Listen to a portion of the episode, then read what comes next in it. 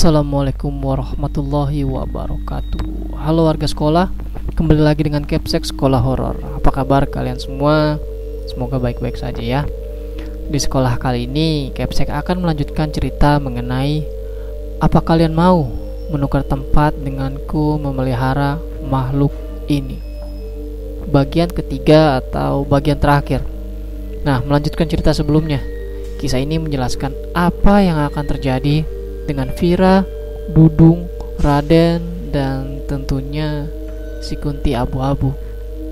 Cerita ini masih bersumber dari akun Twitter @thismeim. Sebelum kalian mendengarkan cerita ini, Capsek akan berterima kasih untuk like, share, dan komen kalian di video ini.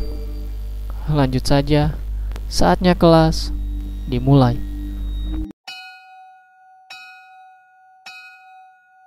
Meskipun ini urban legend, namun ada kesaksian beberapa orang yang menjadi korban. Dia tinggal di rumah yang sama dengan kita.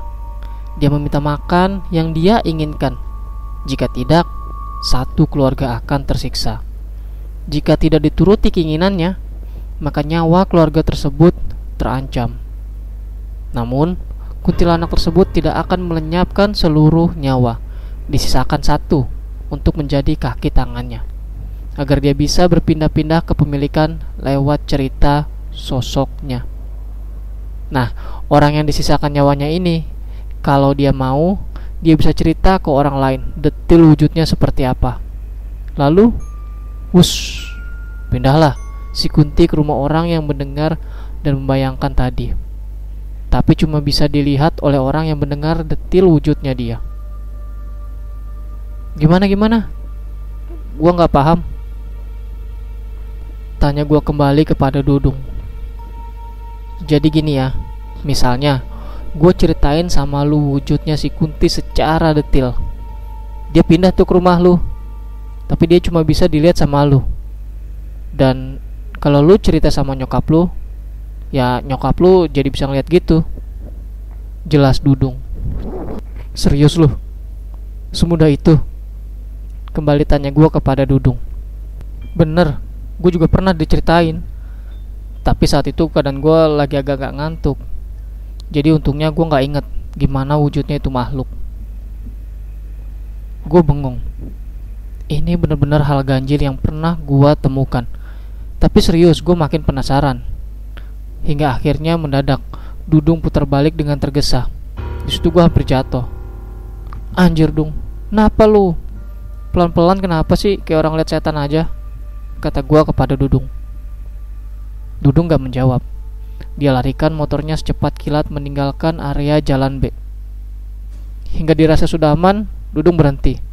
Nafasnya pun tersengal-sengal. Kenapa woi? Cerita, kata gua. Fir, Fir, liatin di tengkuk belakang gua, di balik kerah jaket. Sekarang, gertak Dudung. Gue segera melongok. Gue tarik kerah jaket Dudung. Ada sebuah gulungan rambut kecil hanya beberapa helai. Persis gumpalan untuk promosi cat rambut. Namun setelah diurai, gua dan Dudung langsung merinding. Panjang banget, kayak bukan rambut manusia. Duh, Fir, gimana nih? Kata orang-orang kalau kejadiannya kayak gini berarti kita udah diikutin. Udah diincer. Kata Dudung. Gak usah nakutin lu dong Serius Vira. Lu sama gua Kita udah diincer. Ah Bodo amat. Gua gak ngapa-ngapain. Kata gua membela diri. Iya lu gak ngapa-ngapain. Tapi keingin tahuan lu itu yang gede Dia jadi gak suka. Lagian lu kenapa sih? Pengen banget cari tahu. Tanya Dudung kembali penasaran kepada gua Hingga awalnya gue gak mau cerita. Namun karena Dudung memaksa Akhirnya gue ceritain pengalaman gue main ke rumah Raden. Goblok kan Dari pas berangkat feeling gue udah gak enak. Marah Dudung kepada gue Sebelum pulang Dudung sempat bilang Hal yang bikin gue malah gak bisa tidur. Kalau prediksi gue gak salah ya Fir Raden pasti besok datang. Tapi please banget lu jangan ngikutin rasa penasaran lu biasa aja lah Pokoknya harus janji sama gue ya. Kalau dia cerita apa pun, tutup kuping lu. Gue ngerasa kalau dia tuh pelihara kuntilanak abu-abu. Pokoknya jangan sampai lu tahu detil wujudnya lewat cerita. Udah, gitu aja.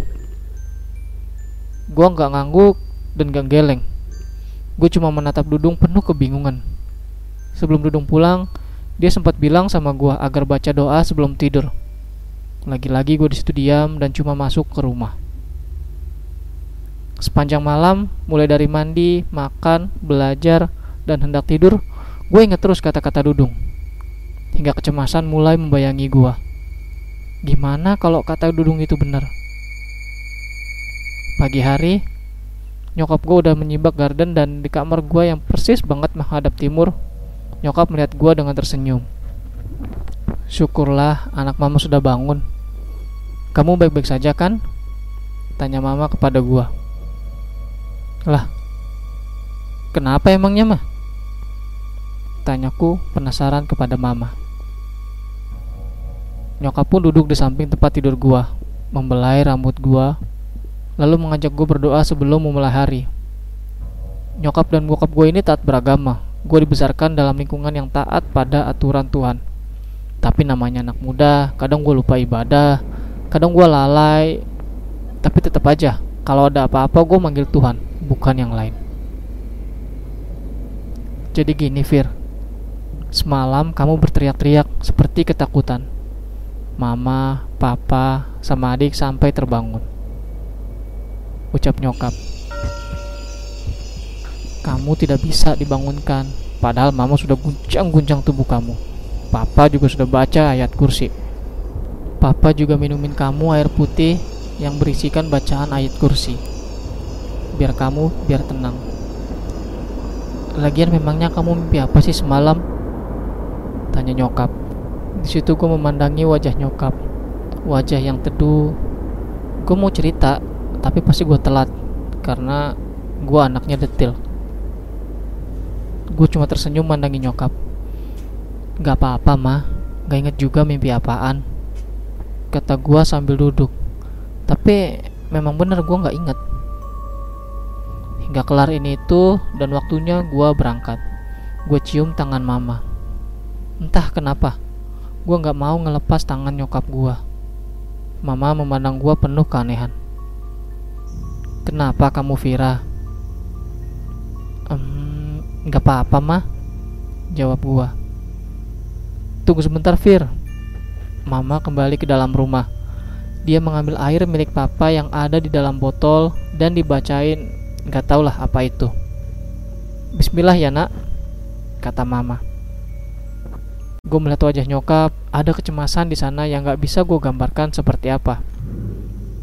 Tiba di sekolah, murid masih pada ramai menunggu bel masuk.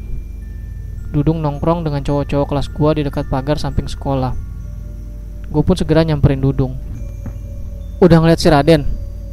Tanya gue ke Dudung pelan Belum Fir Jawab Dudung Yaudah kalau gitu dong Gue kelas duluan ya Kelas gue sepi banget Tapi tas anak-anak sudah ada di bangkunya masing-masing Semua sudah pada di luar kelas Karena pelajaran pertama memang olahraga Dan dilanjutkan dengan kesenian Gue naruh tas Lalu duduk sejenak mengeluarkan baju olahraga Mendadak, gue mendengar nafas seseorang dari arah belakang. Jantung gue langsung gak karuan detaknya. Bulu kuduk gue naik. Gue segera membalikan badan. Ada Raden. Dia masuk lewat mana? Tadi sepi. Gue sontak langsung berdiri dan hendak lari. Tapi setelah berada dekat bangku guru, gue menoleh lagi. Raden memandangi gue kayak ingin nangis. Lu datang dari mana tadi? Lu orang kan? Lu siapa? Mana Raden? Gaya gua udah kayak di film-film horor gitu. Ini gua Raden Fir. Tapi pala gua berat, makanya gua tiduran. Gua bangun karena ada orang datang. Gua pikir Pak Asep, gak taunya elu. Mendengar keterangan Raden, hati gue bisa menerima. Ada kejujuran di matanya. Gue mendekat, tapi tetap ambil jarak. Ke mana lu kemarin? Tanya gua penuh selidik. Gue sakit, Fir. Nyokap gue juga sakit. Nggak ada yang bisa ke sekolah untuk ngasih tahu guru-guru. Gue sakit. Raden gak melanjutkan ucapannya. Karena apa? Serius dalam hati gue mengutuk kenapa gue harus bertanya ini. Bodoh sekali Vira, ini sumber petaka gue. Karena makhluk itu nggak terima apa pun yang gue sajikan, kata Raden lirih. Raden pun membuka bajunya. Lah, mau ngapain lu Dan?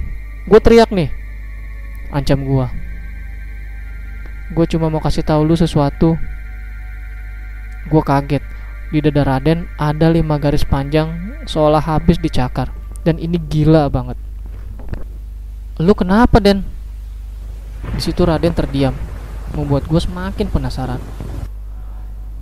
Um, makhluk itu, Fir, melukai gue dan ibu gue. Ucap Raden dengan pelang. Makhluk apaan maksud lu? Macan? Serigala? Apa? Sambil menuduk, Raden berbicara sesuatu yang lebih pelan lagi. Dan gue nggak mendengar tapi sayap-sayap ada afnya. Raden kembali menatap gue gue menunggu jawaban dia. Dia minta pindah. Makhluk wanita itu Vira. Tingginya sekitar 180 meter. Rambutnya panjang hitam pekat lebat menyentuh tanah. Wajahnya abu-abu dengan tangan putih pucat dan kuku yang panjang. Dia bertelinga runcing di sebelah kiri dan daun telinga kanan tidak ada, sebab dipenggal. Hidungnya bangir dan selalu meneteskan darah. Di ubun-ubunnya ada lubang paku sedalam 10 cm. Tangan kirinya ada jari yang terpotong. Matanya putih dengan sudut ke atas memanjang. Dan ini yang terakhir. Bibirnya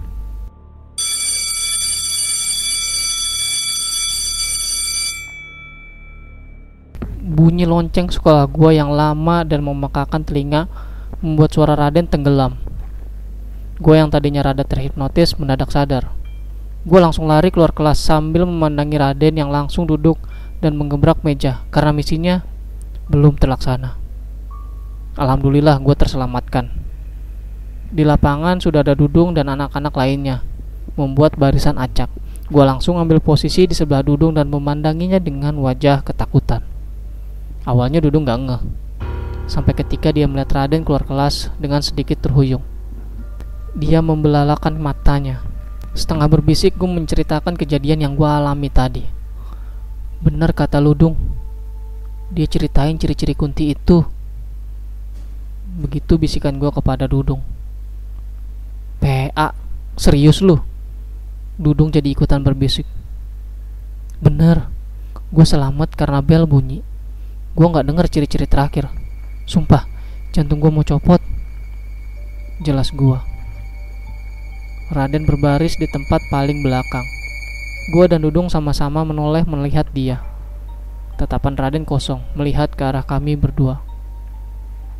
Lalu mulutnya seperti hendak menyampaikan sesuatu tapi tanpa suara. Gue dan Dudung dipaksa membaca gerak bibirnya. Kami spontan buang muka. Lo lihat gerak bibirnya dia. Untung gue nggak paham. Gue paham sih, Dung. Maksud lu, Fir? Tanya Dudung serius. Gue nggak menjawab sepatah kata pun. Gue cuma diam, bahkan sampai sekolah bubar. Tawaran Dudung untuk pulang bareng pun gue tolak. Gue sampai di rumah mengucapkan salam sambil lemas. Nyokap gue membuka pintu dan melihat gue tersenyum. Gue mencium tangan nyokap gue, lalu segera beranjak ke kamar. Hari itu gue lelah banget. Nyokap mengikuti langkah gue ke kamar sambil membawakan gue segelas air. Gue duduk di pinggir tempat tidur. Ma, Vira izin tidur siang ya. Vira ngantuk banget. Nyokap gue cuma mengangguk. Bilo jalan ke arah pintu, lalu menutupnya perlahan. Di balik pintu itu sudah ada seseorang menunggu gua. Iya, dia si kuntilanak abu-abu. Kini gue masih mencari pengganti dan penerus salah satu urban legend kota kembang tersebut. Dan untuk detail kuntinya kayak gimana, jangan dipikirkan. Terima kasih sudah mau mendengarkan.